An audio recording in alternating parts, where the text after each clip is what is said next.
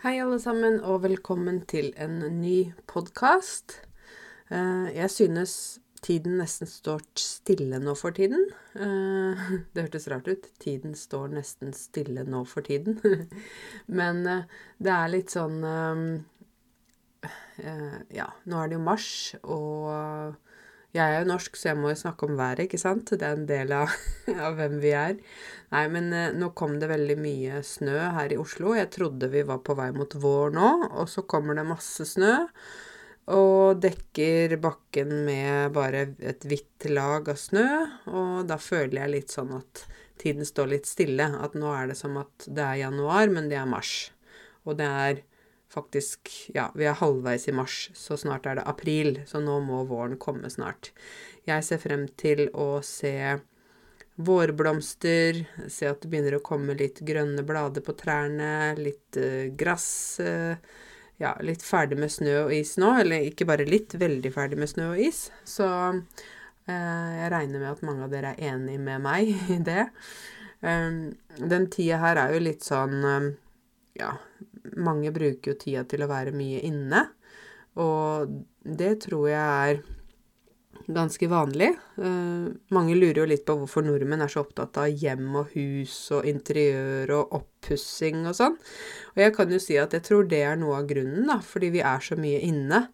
Uh, så vi ønsker at der vi er, skal det i hvert fall være hyggelig rundt oss når vi ikke er ute. Mens i mange andre land så er man mye ute, så man er ikke så mye hjemme og inne, og kanskje dermed ikke så opptatt av hvordan det ser ut hjemme, da.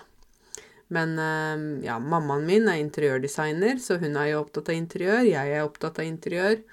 Og uh, våren 2021, for to år siden, så pussa vi jo opp veldig mye i huset der vi bor. Så det er jeg veldig glad for at vi gjorde. Uh, og så er det jo når man har flytta inn i en ny bolig, så kaller vi det for å bo seg til. Å bo seg til betyr at man må på en måte la tiden gå, sånn at man finner ut hvor man skal sette møbler, hvor man skal henge opp bilder. Man blir kjent med boligen og ser hvordan ting er, og hvordan ting passer sammen. Um, men uh, ja, vi bytta jo gulv i både første og andre etasje tok ut gammel, det vi kaller for stubbeloftsleire. Det var sånn type leire som de brukte før. Leire er jo når du blander sammen sand Ja, jeg vet ikke akkurat hvordan man får leire, men sand, vann, jord Så det blir sånn man kan lage keramikk, f.eks. Det er jo laget av leire. Eh, men vi brukte også en type leire eh, tilbake i tiden, da. Da, da snakker vi om 100 år og mer tilbake i tiden. Så brukte de leire mellom eh, gulvene eh, som både isolasjon, og det var liksom sånn de lagde etasjer, da. Så når vi bytta gulv, så var jo det en stor eh, jobb, og de som eh, gjorde den jobben, de sto på skikkelig. Å stå på betyr å jobbe hardt. Så jeg kan jo si at jeg har stått på når jeg har lagd over 1000 YouTube-videoer. kan jeg ikke si det? Ja. Så jeg tenker litt på det nå som tida står litt stille, uh, at jeg er glad for at jeg trives hjemme og inne der jeg bor. Jeg går jo selvfølgelig ut, og jeg går tur med Bahia, jeg går tur med lille Amaya i vogna og sånne ting. Men, uh, men jeg er jo mye inne, da. Uh, og derfor så er det viktig for oss, at, oss nordmenn at det ser fint ut inne. Fordi vi sitter så mye inne. Jeg vet ikke hvordan det er i ditt hjemland, men hvis du kommer fra et land der det er varmere, så kan du jo kanskje tenke over at ja, vi er mer ute, vi går ut og spiser, vi er på restaurant, vi treffes i gatene, ikke sant. Folk er mer liksom utendørslivet, mens her i Norge så er det akkurat som alle sitter på hver sin tue. Det er også et uttrykk. Å sitte på en tue. Tue er eh, ord for en lite sånn Skal vi si Liten sånn øh, kul i bakken. Maurtue. Du vet maur? De som bygger maurtuer av f.eks. barnåler. Eh, det er maurtue. Og hvis vi sitter på hver vår tue, så betyr det at vi sitter på hvert vårt sted, egentlig. Så jeg føler at det er litt sånn, da. Um, norskprøvene er jo nå i gang. Mange driver jo med norskprøver, og jeg bare tenkt litt sånn at uh, siden tiden står litt stille, og jeg ikke har så mye nytt å meddele Å meddele betyr å komme med noen nyheter, da. Så tenkte jeg bare å se på noen sånne norskprøvespørsmål og svare litt på dem, eller hva jeg tenker rundt de spørsmålene. Bare noen eksempelspørsmål, da, som jeg, jeg uh, tar, uh, tar, i fatt nå. Tar i bruk nå, men det er ikke noe sånn det er ikke spørsmål fra de prøvene som er nå, for jeg vet jo ikke hvordan de spørsmålene er. Men jeg tenkte bare å diskutere litt med meg selv, da, på noen av disse her, ja, spørsmål som kanskje har vært tidligere. Og det er jo Det ene er i Norge får ikke skolebarn gratis måltider på skolen. Er det en god idé å innføre dette? Um, og der tenker jeg at uh, hvis jeg skulle velge, så hadde jeg sagt ja. At det hadde vært bra å ha uh, måltid på skolen. Det hadde både vært sosialt, eh, enklere for foreldrene og familiene å slippe å ha med denne matpakka. Og så kunne man kanskje Ja, eh, skolen kunne sikre at alle fikk et næringsrikt måltid på skolen. For det er jo veldig forskjellig hvordan folk spiser hjemme. Noen eh, familier, der er de veldig sunne, og de har fokus på god mat og Sunn mat, næringsrik mat. Næringsrik mat betyr mat med mye næring. Med mye vitaminer og mineraler og proteiner og sunne karbohydrater og sånn. Men jeg vet at før i tiden, da snakker vi om tilbake i historien, da var det faktisk vanlig med eh, skolemat. Altså da fikk barna mat på skolen. Og jeg vet at i Sverige så får du jo det. Da er det vanlig at man får varm mat på skolen. Så jeg syns det er litt dumt at vi ikke har det i Norge. Skulle ønske vi hadde det her. Uh, men dessverre har vi ikke det. Jeg vet jo at en del barnehager har uh, mat. Noen har ett måltid, noen har to måltider. Og noen har jo bare all mat på barnehagen, sånn at foreldrene ikke trenger å ta med mat. Og det tenker jeg er supert. Jeg har jo nå søkt inn Amaya på barnehage, for hun skal starte da mot høsten. Og da har jeg vært på besøk i forskjellige barnehager og vurdert barnehagene. Liksom hva, hva jeg og mannen min tenker er bra for henne, da. Og da har vi funnet en idrettsbarnehage som vi tenker var veldig bra. Idrettsbarnehage betyr jo ikke at de skal drive med idrett og sport hele tiden, men det er kanskje en barnehage med litt mer aktiv profil, da. Betyr at de er litt mer i aktivitet, litt mer ute på tur de driver med, ikke sant, alt fra dans til å gå på tur, til ski om vinteren, skøyter Ja, litt mer fokus på fysisk aktivitet. Og da sa de, når jeg var på den barnehagen, så sa de at eh, ja, her får barna frokost hvis de ikke har spist hjemme. Og så får de ett måltid per dag fra barnehagen, da. Eller så må man ha med også en matpakke. Mens jeg vet i noen barnehager så må man ha med to matpakker. Eh, ikke sant? Så det er litt forskjellig. Men eh, er det en god idé å ha eh, skolemat, altså måltid på skolen? Jeg syns ja. Jeg syns det. og så er det et annet spørsmål her. Snakk sammen om hvilke jobber som vil forsvinne, og hvilke som vil bli mer aktuelle i fremtiden. Um, jeg tror jo over mange år nå så har vi jo forandra oss litt når det gjelder jobbmarkedet, da. Før så var man jo mer sånn man jobba mer fysisk. Eh, primærnæringer, altså de som jobber med f.eks. som bønder, eller som eh, fiskere, eller eh, jobber med skogbruk, altså jobber med naturressurser. Eh, der er det ikke så mange som jobber lenger, fordi at maskinene har tatt over, ikke sant? Eh, det er jo forskjell på fiskeindustri nå og når man før måtte fiske gå ut og fange fisken sjøl, ikke sant? Um, og så er det jo Jeg tror jo de fleste jobber i sånn servicenæring, at man jobber på kontor eller jobber i butikk. Jobber på ja, hotell eller um, om det kan være elektriker, snekker, alle sånne typer hvor man gir en service. Jeg jobber også i servicenæring med, med skolen min. Uh, men så tenker jeg de jobbene som da vil komme i fremtiden, da, vil jo kanskje være enda mer eh, teknologiske jobber, tekniske jobber. Um, kanskje det kommer nye sektorer, nye typer jobber som ikke det har vært så mye av før. Fordi vi har nye behov. Uh, det er litt vanskelig for meg å spå.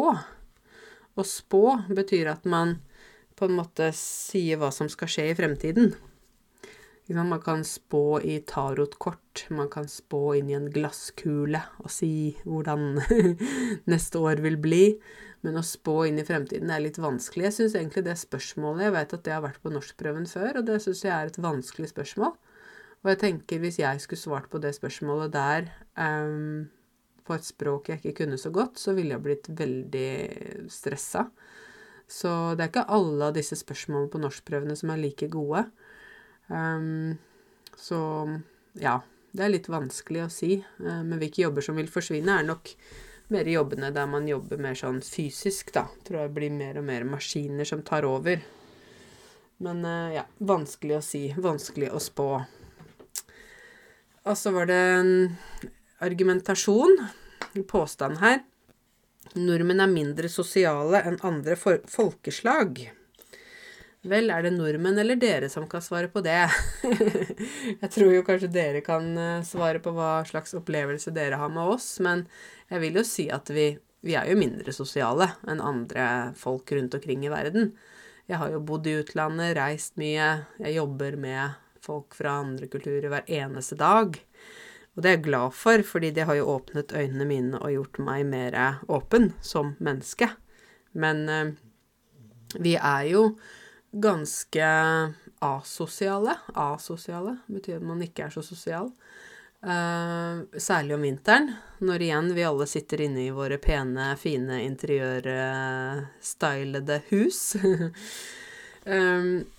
men jeg tror jo det ligger ikke så naturlig for nordmenn å bare snakke med fremmede og bare liksom Med mindre de har drukket alkohol, eksempel, og, og ja, tør opp litt. Og tø opp. Um, det liksom betyr litt det samme som å tine. Du vet hvis du har snø og is som smelter, ikke sant? Det endrer form. Så hvis vi mennesker tør opp, så endrer vi atferd, da. Endrer hvordan vi oppfører oss. Um, jeg tror jo nordmenn altså er jo sosiale med sine egne. Det er det. Det er vi. jeg må jo ta med meg selv i det. Men vi er ikke så sosiale med fremmede. Jeg tror kanskje der forskjellen ligger, da. For mange nordmenn som er kjempesosiale. Men dere merker det ikke, f.eks., for eksempel, fordi de er ikke venner med dere. Og da merker dere ikke at 'oi, han eller hun er faktisk veldig sosial'. Eh, mens jeg kjenner jo mange nordmenn som elsker å være med, liksom alltid er på sosiale aktiviteter og er eh, på fester og på bursdager og middager og inviterer folk hjem til seg og går på besøk og masse sånn. Men jeg tror det går liksom fra nordmann til nordmann, da. Og gjerne venner man har hatt lenge.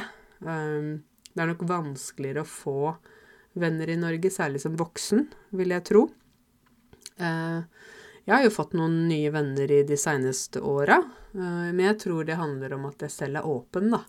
For hvis jeg er åpen, så vil jeg også møte folk som er åpne, på en måte. Jeg tror det henger sammen. At noe henger sammen, det er det samme som sammenheng. At noe er liksom logisk, da. Det henger sammen. Det er Jeg har nye venner fordi jeg er selv åpen. Det henger sammen. Det er logisk. Så er vi mindre sosiale enn andre folkeslag. Eh, jeg vil si ja mot folk som ikke er norske, og ja mot nye folk. Mens mindre enn andre folkeslag eh, hvis vi bare ser fra nordmann til nordmann, så tror jeg vi er ganske sosiale. Men nordmenn ut til innvandrere, nei, der er vi ikke sosiale. kan jeg si det sånn? Ja, det var mitt svar. Håper jeg består B2 eller mere. Og så var det flere spørsmål, fordi på eh, muntlig B1, B2-prøven så er det jo en, argument, en sånn påstand, ikke sant? Nordmenn er mindre sosiale enn andre folkeslag, og så kommer det oppfølgingsspørsmål da, for å spørre mer om det. Hva er den beste måten å bli kjent med nordmenn på? Dette har jeg snakka om mange ganger før, og jeg mener det er at man må rett og slett uh, Man må være med på organiserte aktiviteter. Frivillig arbeid, være med på noe sport eller noe hobby eller et eller annet sånt, der du møter nordmenn som har samme interesse som deg selv. Du møter ikke nye venner som er norske på gata eller på bussen eller i nabolaget. Du må liksom møtes på en organisert plattform. Det kan jo være dugnad på skolen til barna dine, eller det kan være at du er medlem i Røde Kors og driver med et eller annet der. Forskjellige plattformer, men ikke noe som er sånn uorganisert, da. Det er ikke så veldig vanlig, i hvert fall. Hvilke sosiale tilbud fins i ditt nærmiljø? Da må jeg tenke på der jeg bor i Oslo, da. Hm, godt spørsmål. Uh, jeg vet jo at uh, det er uh, Røde Kors har jo en del forskjellige ting. Og så er det vel noen sånne strikkeklubber, og det er um, forskjellige sport sportslige aktiviteter. Det er um, uh, Ja, men det er ikke noe sånn derre det er mer litt sånn tilfeldig. Jeg tror ikke det er sånn veldig mye sånn som jeg kan tenke på at her er et tilbud jeg kan gå til og bli kjent med nye mennesker. Det er ikke så mye av det, selv i Oslo.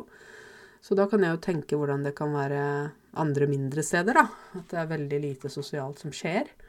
Jeg tror man selv må oppsøke det, da. Man må selv gå og liksom si Liksom gjøre noe aktivt selv kommer ikke folk på døra di.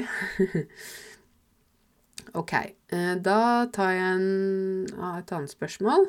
Um, I Norge er det vanlig med mange møter i arbeidslivet. Hva er positivt og negativt med dette? Ah, jeg personlig syns møter er så kjedelige, særlig hvis de ikke er effektive. jeg syns det er altfor mange møter, særlig i offentlig sektor. Ehm, jeg har jo selv jobba på offentlig skole, både vanlig skole, barneskole, ungdomsskole, voksenopplæring. Og jeg syns det var så mange møter, og jeg synes at det ikke kom så mye ut av disse møtene. At det kommer noe ut av møtet, betyr at man får noe resultat. Jeg syns det var egentlig møte bare for å ha et møte, for å sitte med en stor kaffekopp og prate bla, bla. og så er det jo sånn i den private sektoren Jeg har jo eget firma og har også jobba i det private, og for meg så er det bedre, fordi det er ikke så mange møter. Ting blir eh, besluttet litt raskere. Det betyr at man bestemmer noe litt raskere. Og man har ikke tid til å sitte på så mange og lange møter. Så jeg tror det er veldig forskjell mellom det offentlige og det private der, på antall møter og hvor lange møtene er. Det som er positivt med møter, for jeg må jo svare på oppgaven, hva er positivt med møter, er jo at man får snakka sammen og diskutert, og man er samtidig litt sosial, og man samles og sånn. Det som er negativt, er at det er veldig lite effektivt, og kjedelig er det, syns jeg i hvert fall. Og så får man ikke så mye resultater av de møtene, da. Så det kunne heller vært færre møter, men med um, mer liksom Jeg liker stående møter. Hvis du kan tenke deg et møte der du ikke får lov å sitte. Det er et møte uten stoler og uten bord. Kan kanskje være et sånn høyt bord, da. Men man får ikke lov å sitte. Da blir møtet ganske raskt over. Og da får man gjort det man skal på kortere tid, og så går man videre og gjør noen andre ting. Jeg mener at når det blir store kaffekopper, gode stoler å sitte i, og møtebord og kanskje litt kake og sjokolade og sånne ting, så blir folk sittende lenge, og da blir det veldig lite effektivt. Så ja, jeg er ikke så veldig for mange møter, da, som dere kanskje skjønner. det er min personlige mening. Uh, ja, så er det snakk sammen om hvordan man feirer bursdager i Norge og i andre land du kjenner. Um, i Norge så er det jo Vi feirer jo barnebursdager når barna våre fyller år. Uh, og da er det jo vanlig når de er uh, veldig små, så samler man ofte bare familien eller familievenner. Eller, og familievenner. Når de går i barnehagen, i hvert fall når de blir litt større, så inviterer man uh, hjem fra barnehagen. Man trenger ikke invitere alle barna, men de barna som barnet ditt leker med. Når man går på skole, barneskole i hvert fall, så er det vanlig å invitere enten noen jenter og gutter, eller hele klassen, eller bare jentene i klassen hvis man selv er jente, eller bare guttene hvis man selv er gutt. Litt forskjellig. Men da feirer man jo bursdager. Um, og så er det jo også vanlig å ha bursdag med familien i tillegg, så man har kanskje bursdag med de i klassen, og så bursdag med familien. F.eks. bursdag med de i klassen på en torsdag, og bursdag med familien på en søndag. Da blir det jo mye ja, kaker og feiring og gaver og sånn. Um, men det er jo hyggelig og sosialt. Når man er liksom på ungdomsskolen, i hvert fall som jeg husker selv, så var det litt mer at jeg inviterte noen venner og hadde en liten sånn bursdagsfest eller noe sånt noe hjemme. Uh, og når jeg gikk på videregående, så hadde vi skikkelig fest. Særlig da jeg fylte 18 år. Da var det liksom fest med ja, masse musikk og dans og alkohol, for da fikk vi jo lov til å drikke. sånn. sånn. Også som voksen uh, så er det jo ikke alle som feirer bursdagene. Noen feirer når de fyller uh, rundt år. Altså rundt år, det betyr 30, 40, 50. Sånn type år. Hvert tiår. Eller 25, 30, 35, 40. Jeg husker jeg feira mye da jeg ble 30 år, men så har jeg ikke feira så mye etter det. Bare litt sånn tilfeldig. Uh, ikke noen sånne store bursdager. Jeg er ikke så glad i å feire meg selv heller. Det er litt sånn rart for meg å ha sånn kjempestor fest for meg selv. men uh, det er jo en grunn til å møtes, da. En grunn til å samles. Og jeg tenker når jeg blir 40, da vil jeg jo ha litt sånn stor fest, for da er det et rundt tall. Så da tenker jeg det er naturlig. Um, jeg vet jo at en del kulturer, i hvert fall sett her i Norge, folk som har en annen kulturell bakgrunn, når de feirer bursdager, så er det veldig sånn Det skal være veldig fint, da. Barnet skal ha veldig fine klær, kaka skal gjerne være veldig fantastisk, eller bestilt, kjøpt en kake til 2000 kroner f.eks. De bestiller ballonger, bestiller en klovn eller en et eller annet sånn person som kommer med underholdning til barna. Um, ja, det kan koste veldig mye penger. Mens i Norge så tror jeg det er litt mer avslappa rundt det. Det er ikke vanlig å leie inn en klovn, og det er ikke vanlig å kjøpe en gave, nei, en kake til 2000 kroner. Selv om det er veldig fine kaker man kan få, men, men, poenget er ikke at det skal være den mest fantastiske kaka, men heller at man kommer sammen og spiser litt sammen, da. Og så er det jo vanlig at man baker kakene selv. Uh, og kanskje at noen i familien baker en kake.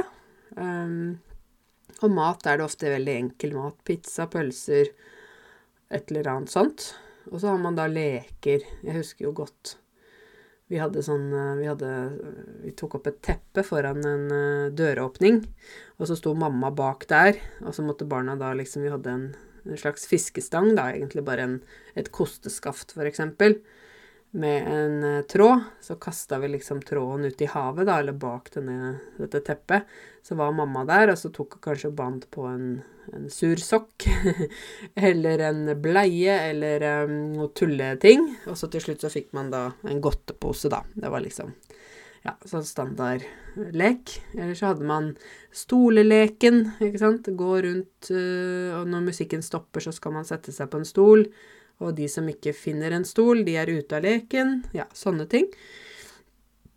Jeg vet jo også at en del i dag feirer bursdag på Leos lekeland, øh, eller sånne Jeg vet ikke, jeg, hvor det er. McDonald's eller sånne, sånne, steder hvor barn kan samles. Men det blir jo ofte veldig dyrt, så Men jeg skjønner jo at ikke alle kan ha bursdager med mange barn hjemme. Det kommer jo an på plassen man har og sånn. Så ja. Det var litt om bursdag. Og så en annen ting. Eh, de voksne drikker ikke alkohol i norske barnebursdager. Det vet jeg blir gjort i mange land, men det er helt uvanlig. Det er ikke noe vi gjør her i det hele tatt, og det, det reagerer vi veldig på, da. Jeg har vært i noen barnebursdager i Norge med eh, familier fra andre kulturer, der de voksne har drukket alkohol i barnebursdagen, og det er egentlig helt uhørt. Uhørt betyr at det, det kan man ikke gjøre. det er ikke forbudt, men vi syns ikke det passer. Det er liksom barnas dag, og da skal de Da er det rett og slett bare de som skal kose seg med ja, pølser, brus, kake, sånne ting, da. Det er barnas dag, først og fremst. Ok, eh, altså er det en, eh, et argument her. De gode velferdsordningene i Norge gjør folk late. Hm. Det å ha velferdsordninger betyr jo at man får en del hjelp fra staten. Fordi man betaler skatt, så har man da en velferdsstat. Det kan jo være da at man får eh, penger fra Nav i perioder man trenger det, hvis man har mista jobben eller er hjemme med barn, har fått baby. Uh, sånne ting. Uh, vi har jo gratis eh, sykehus, gratis fastlege for barn, gratis tannlege for barn, um, gratis skole og sånn. Om disse ordningene gjør at folk blir late Vel, jeg tror jo at det kanskje kan gjøre at folk blir ganske sånn komfortable, da. Slapper veldig av. Fordi de vet at ja, men hallo, det, skolen koster ikke noen ting. Så kanskje jeg ikke trenger å jobbe så hardt, fordi det er ingen som betaler, det er staten som betaler. Ikke sant? Uh, eller at man blir sinna fordi man må vente for en operasjon eller noe sånt, men man får den jo gratis. Og i mange land så må man jo betale for sånne ting. Og hvis man ikke har råd til det, så får man kanskje ikke utdannelse, så får man kanskje ikke den operasjonen eller helsehjelp man trenger, da. Så jeg tror ikke at velferdsordningene gjør folk late, men jeg tror at det gjør folk litt mindre sånn eh, konkurranseprega. At de bare Ja, ja, men selvfølgelig de tar ting kanskje som en selvfølge, da. At bare selvfølgelig skal jeg få gratis skole. Selvfølgelig. Hallo. Selvfølgelig skal jeg få gratis operasjon, eller selvfølgelig skal alt bare gis til meg. Um, det tror jeg. Det kan være fort sånn. Også at man da kan klage en del på det offentlige tilbudet, da, fordi de ikke syns det er godt nok, selv om det er gratis. Så jeg tror ikke det gjør folk late, men jeg tror det kan gjøre at folk blir mindre liksom takknemlige, kanskje, da. Mm. Hvilke velferdsgoder har du selv nytte av? Uh, velferdsgoder er det man får fra staten, ikke sant? Og det er jo litt sånn forskjellig i forskjellige perioder i livet. Um, da jeg selv var barn, ikke sant, fikk jo jeg hele min utdannelse. Skolegang var gratis i Norge. Gå til legen var gratis. Vaksiner var gratis. Uh, alle de tingene der. Og så, en periode etter jeg var ferdig som student og bare har jobba og ikke hatt barn, da har jeg ikke fått så mange ting fra staten. Men nå når jeg selv har fått barn, da begynner det å komme tilbake igjen, ikke sant? Så lille Amaya eh, så Når jeg eh, var på sykehuset og fødte henne, det var jo gratis å føde. Det er det ikke gratis i alle land. Um, jeg får barnetrygd uh, for ikke sant. Man får barnetrygd hver måned fram til barnet er 18 år. Hun har igjen fått gratis vaksiner, gratis oppfølging på helsestasjonen. Ikke sant? Jeg har vært til legen med henne, koster ingenting. Så nå vil jeg liksom se det gjennom henne, da. Um, og så har jeg jo jeg vært i mammapermisjon, og da har jeg fått uh, foreldrepenger. Ikke sant? Og det får mannen min nå, for nå er han i pappapermisjon. Så ja, det, det er jo velferdsgoder jeg får nå, da. Så er det spørsmål hvordan er velferdssystemet i hjemlandet ditt, og det kan jeg ikke svare på fordi Norge er hjemlandet mitt. Men jeg vet jo at mange land ikke har samme system som Norge. Og jeg vet jo at i mange land så er det mer vanlig med private sykehus, private skoler. Man må ha ansvar for ting selv i større grad enn hva man må her i landet. Uh, og det er jo da større risiko, ikke sant. Så jeg vet at flere innvandrere kanskje ikke elsker å bo i Norge, men de velger å fortsette å bo her pga. barna sine, fordi de vet at eh, den sikkerheten og tryggheten velferdsstaten i Norge gir dem, med at de får gratis utdannelse, at de får helsehjelp osv., den er verdt så mye eh, og kan spare familien for så mye stress, sånn at de faktisk velger å bo her pga. barna, da. Det er kanskje du som hører på meg, kanskje har det sånn. At dere ikke kanskje drømmer om, eller ikke egentlig ønska å bo i Norge, eller bli værende i Norge, men så ser dere at oi, hvis vi flytter hjem til hjemlandet, da uh, må vi betale for privatskole fordi den offentlige er for dårlig. Da må vi ha en dyr helseforsikring fordi det er ikke gratis med helsehjelp. Uh, da er det mer korrupsjon, f.eks. Sånne ting, da. Det har en effekt på på hele livet. Så da må man heller bo i et land med snø som er kaldt, da. Så får man heller bruke noe av pengene til å reise til hjemlandet om sommeren. Vet du, mange gjør det.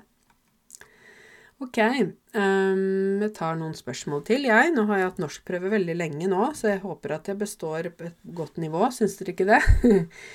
ok, hva slags bolig er det best å bo i? det er jo et personlig spørsmål, tenker jeg, som er veldig Hvor svarene blir veldig forskjellige. For det kommer an på hva man foretrekker. Preferanse. Noen liker å bo i mindre boliger, f.eks. leiligheter. Andre vil gjerne ha store boliger, f.eks. enebolig eller hus. Så da er det veldig forskjellig, da, hva man kan øh, velge. Jeg har vokst opp i enebolig fordi jeg vokste opp på landet. Da hadde vi stor enebolig.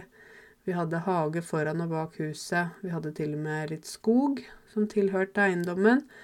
Eh, så jeg liker best å bo i enebolig, fordi det er det jeg vokste opp i selv. Og særlig nå som jeg har barn. Og vi bor i enebolig nå, men så er det jo ikke så lett å uh, kjøpe enebolig, for det kan være dyrt. Særlig hvis man bor i en by. Og da er det jo mange som flytter ut av byen fordi vil fordi boligen er viktigere enn hvor de bor. Men for andre så sier de nei. Det er viktigere for meg f.eks. å bo i Bergen sentrum enn å bo ut av Bergen sentrum. Og da har de gjerne mindre leiligheter fordi det er dyrere, ikke sant? Og så kommer det litt an på hva slags uh, familiesammensetning man har, da. Noen uh, har store familier og må ha større boliger. Andre har mindre boliger eller bor alene og trenger ikke en stor bolig. Så hvilken bolig det er best å bo i, kommer an på hvem man er og, og hva man trenger, da. Så er det et annet spørsmål, og det spørsmålet husker jeg faktisk.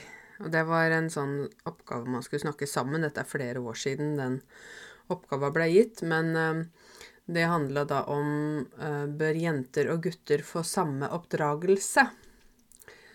Altså hvordan man oppdrar barn, da. Hvordan man liksom Hva man forventer av barna, hvordan man ja, snakker til de, hva man lærer de, osv. Eh, og jeg vil jo si at her i Norge så er det jo viktig at jenter og gutter f.eks. får de samme oppgavene hjemme. Eh, at de ikke blir behandla forskjellig f.eks. For med at guttene får lov til mer enn jentene, eh, osv. Så, eh, så jeg vil jo si at jeg syns det er viktig at de får samme oppdragelse. Da. Hvis jeg hadde en sønn og en datter, så ville ikke jeg gjort forskjell på dem. Eh, men jeg vet jo en del kulturer så er det jo en del sønner eller gutter som har mer frihet enn jentene. Som f.eks. kan, når de blir ungdommer, gå ut og være med venner, mens jentene må være hjemme øh, og sånne ting. Det syns ikke jeg er noe særlig. Jeg syns det, øh, det skal være likt. Men så må man jo se på hvert enkelt barn, uavhengig om det er gutt eller jente, på om kanskje det kan være et barn som trenger mer grenser enn, enn uh, broren eller søstera. Og det handler jo ikke da om gutt eller jente, men det handler om hvem det barnet er. ikke sant? Noen barn uh, må man være kanskje noe strengere med av ulike grunner. Mens noen barn kan man gi litt mer frihet fordi man kan stole på de, ikke sant? Men det tenker jeg jo opp til hvert enkelt barn å bevise gjennom barndommen, da. Hva slags oppdragelse de skal få. Men av prinsipp, altså sånn som jeg tenker først og fremst, er at man ikke skal behandle jenter og gutter forskjellig. De skal ha samme oppdragelse. Samme arbeidsoppgaver i hjemmet, samme grenser. Samme type disiplin, samme forventninger osv. Og så etter hvert som barna blir større, så må man jo se på hvor forskjellige barna er, og eventuelt justere litt der, da. Mm, det er min mening. kan jo kan hende du ikke er enig med meg, og det er helt greit. Altså det å si sin mening, det handler jo da om å vise hvor man står, og meninger er forskjellige. Det er ikke en mening som er mer riktig enn en annen mening, men når du sitter på norskprøve og skal uttrykke meningen din, så er det viktig at du um, har en eh, formening om noe. Å ha en formening betyr å ha en idé, en tanke om noe. Og at du står ved den, da. Den tanken. At du ikke da plutselig skal eh, si noe annet eller bytte eh, Du blir forvirra nesten av deg selv. Du må liksom 'Jeg står på denne siden', eller 'jeg står på denne siden', og så må du fortelle ut ifra det, da. Ok, da er det en påstand her. Det bør bli forbudt å røyke i eget hjem. Ja. Eh, det er jo sånn at eh, folk velger jo selv om de vil røyke inne i sitt eget hjem eller ikke. jeg tror jo egentlig det er noe som er umulig å kontrollere, hva folk gjør i sitt eget hjem. Um, så jeg tenker det bør bli forbudt å røyke i eget hjem. Uh, der tenker jeg at nei, det bør ikke bli forbudt, fordi det er faktisk umulig å, å håndheve. Å håndheve betyr å følge. Men jeg vil jo personlig si at jeg syns ikke det er noe særlig å røyke inne, fordi at uh, røyken Vi sier at røyken, røyklukta, setter seg i veggene. Uh, det at noe sitter i veggene, det er et uttrykk for å vise at det er veldig vanskelig å bli kvitt. Så røyklukta setter seg i veggene, og da uansett hvor mye man vasker og støvsuger og gjør rent, så lukter det fortsatt røyk. Jeg husker jo uh, på 80-tallet, da jeg vokste opp, da var det veldig vanlig å røyke inne. Uh, pappaen min røyka, og han røyka inne. Og så, etter hvert, så fant vel mamma og pappa ut at det ikke var så bra å drive og røyke inne. Og jeg, for, for meg nå så virker det helt usannsynlig. Det betyr at det er helt ingen sjanse for det å røyke inne. Jeg tenker sånn Det lukter jo så veldig, um, men jeg vet jo at en del gjør det, og en del eldre folk gjør det. Um, men uh, da, på 80-tallet, så var det vanlig. Det var også vanlig å røyke inne i bilen. Det var vanlig Litt lenger tilbake i tid var det vanlig å røyke på fly, røyke på toget, altså, ja Å røyke overalt. Men nå tror jeg ikke det er så vanlig å røyke her i Norge nå, i hvert fall uh, ungdommer og unge voksne. Der er det veldig lav prosent, egentlig, tror jeg, av folk som røyker. Um, det tror jeg er fordi de har jo i mange år, helsemyndighetene har jobba veldig aktivt mot dette med røyking, og prøvd å få folk til å forstå hvilke konsekvenser det er av det med røyk. Både helsemessig, økonomisk, uh, ja, mange ting. Jeg mista jo pappaen min i lungekreft, og det var fordi han røyka, så jeg kan jo si at jeg hater røyk. så jeg kan bruke så sterkt ord som å hate, fordi det gjorde at jeg mista pappaen min veldig tidlig i livet. Uh, og det er veldig helseskadelig. Uh, jeg bare tenker på de fine, to friske lungene vi har. Og så liksom å suge inn nikotin og røyk ned i de lungene, det er for meg utenkelig. Det Jeg har aldri prøvd å røyke. Og jeg vil aldri prøve det, og for meg er det helt uaktuelt. Så det å røyke inne da er selvfølgelig Mitt svar er nei. Ikke røyk inne. Gå langt vekk. det lukter, og det er Ja, jeg, det er min mening. Jeg syns røyk er bare helt forferdelig. Eh, så vet jeg jo at i en del land så er det veldig vanlig. Kanskje fordi det er billig å gjøre det. Mange gjør det, så alle gjør det. Og fordi det er kanskje ikke så mye informasjon om hvilke skader røyk kan gjøre på kroppen, da. Uh, og så er det oppfølgingsspørsmål. Hvordan kan man greie å slutte å røyke? Altså, jeg har jo aldri røyka, så jeg veit jo ikke hvor vanskelig det kan være, da, men jeg kan se for meg at uh, når man er avhengig av noe, f.eks. Eh, jeg vet jo hvis jeg har hatt perioder der jeg har vært veldig sånn spist mye sukker, så er det veldig vanskelig å slutte. Og da må jeg Da sitter det egentlig mest i hodet. Det er jo sånn, det sitter jo i kroppen òg. Hvis man spiser mye sukker, vil man ha mer. Røyker man, så vil man fortsette, ikke sant? Men så tror jeg mye sitter i hodet. Um, først er det kanskje en avhengighet som du må klare å uh, komme over. Altså at det er f.eks. nikotin i kroppen, da, ikke sant? Og du får abstinenser. F.eks. du blir Du begynner å svette, du stresser, du skjelver, uh, du sover dårlig, jeg vet ikke. Du har sånn vi kaller det for et sug. Eh, du vet sug, sugerør, når man får sånn sugerør oppi brusen, så Ikke sant? Det er sånn veldig sånn um, Å suge uh, Suge energi ut av meg, f.eks. Da får jeg ingen energi igjen. Hvis jeg har et sug, så betyr det at jeg må ha røyk, f.eks. Jeg har et sug, jeg suger etter røyk. Litt rart uttrykk, men ja. Um, så jeg tror først må man klare å komme over det fysiske som skjer i kroppen, og deretter så er det Så må du på en måte jobbe veldig mye med psyken din, da. Uh, hvordan skal man greie det? Jeg vet ikke. Distrahere seg, gjøre andre ting. Uh, prøve å holde seg opptatt. Um, trene, gå lange turer. Få ut frustrasjon av kroppen. Jeg vet ikke. Uh, så er det et spørsmål til. Er det fornuftig at staten blander seg inn i folks livsstil for å sikre bedre helse i befolkningen? Um, Ja, jeg syns at staten i hvert fall skal ha noe å si, særlig i opplæringen av barn på skolen. ikke sant? Lære barn, sikre at alle barn lærer om um, hva som er bra for helsa. Det å spise sunn mat, være fysisk aktiv, det å eh, ha god natts søvn, ikke stresse for mye. Ikke sant? Sånne ting. Fordi vi kan jo ikke være sikre på at alle barn lærer det samme hjemme med foreldrene sine. Og da tenker jeg det er viktig at staten eh, lærer opp alle barn. At det ligger i læreplanen, sånn at vi sikrer at alle har riktig og god informasjon om hva som er bra for helsa. Og så uh, blir jo veien videre når man skal ta valg, ikke sant. Om man skal spise usunt eller sunt, eller bevege seg mye eller ikke.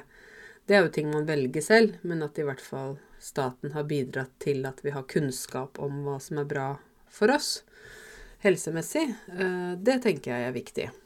Eh, F.eks. vi har et fag på barneskole og ungdomsskole som heter mat og helse. Det heter mat og helse. Og da betyr det jo selvfølgelig at de kommer til å lære å lage mat, men også lære å lage sunn mat, og lære om hva som er bra for helsa. Ikke sant? Og det tenker jeg er, det er litt statens ansvar. Og så har vi jo videre ansvar for å ta gode valg selv, da. Det kan ikke staten bestemme over. Så det er litt sånn både og, egentlig. Men um, ja, nå har jeg jo hatt, nå har jeg hatt tre norskprøver, har jeg ikke det? på, på 1, 2, 3. Uh, så det er eh, krevende. Det er krevende å svare på oppgaver og krevende å komme med noen gode resonnementer. Resonnement betyr liksom gode tanker, refleksjoner om ting. Um, og jeg kan tenke meg det å gjøre det på et språk som ikke er ditt morsmål, det er kjempekrevende. Så jeg, jeg føler med dere. Det betyr at jeg har sympati for dere og tenker på dere når dere skal inn i disse prøvesituasjonene. Og ikke bare norskprøven, men jeg tenker også i hverdagen. Hver dag er litt sånn en prøve når man bor i et annet land og snakker et annet språk. Du kommer stadig i situasjoner der du må svare på ting som du kanskje ikke kan eller du blir i tvil, eller du bruker feil ord, eller du misforstår, ikke sant, så det er nesten sånn at hver dag er en norskprøve. Det høres jo helt forferdelig ut, men, men med dem så mener jeg at det er ikke alltid så lett for dere å vite hvilke situasjoner dere kommer opp i. Og så er det ikke alltid lett å svare eller gjøre ting uh, i et land og på et språk som ikke er deres morsmål, da. Så jeg følger med dere, eh, og dere som skal ta prøven, eller har tatt prøven, eller ønsker å ta prøven i norsk, så må jeg bare si lykke til. Og til alle dere som jobber iherdig, det betyr å jobbe veldig hardt, til dere som jobber iherdig hver dag med norsken deres, og prøver å prate norsk, og ja, tvinger dere selv til å gjøre det, um, må jeg virkelig bare si det er fantastisk jobba. Eh, jeg er stolt av dere. Det er eh, ikke lett. Og det er en kamp, og det er slitsomt, men jeg kan love dere at det vil gi gevinst på sikt, altså på etter lang tid, da. Så bare fortsett å stå på, ha tro på dere selv. Jeg tror på dere, jeg støtter dere, og så skal jeg bare fortsette alt jeg kan og hjelpe dere til å bli bedre å snakke norsk. Ok, da håper jeg at dere vurderer at jeg har bestått B2, og hvis ikke, så må jeg jammen meg gå og jobbe mer med mitt eget morsmål. Takk for at du hørte på podkasten min, og vi høres og vi snakkes.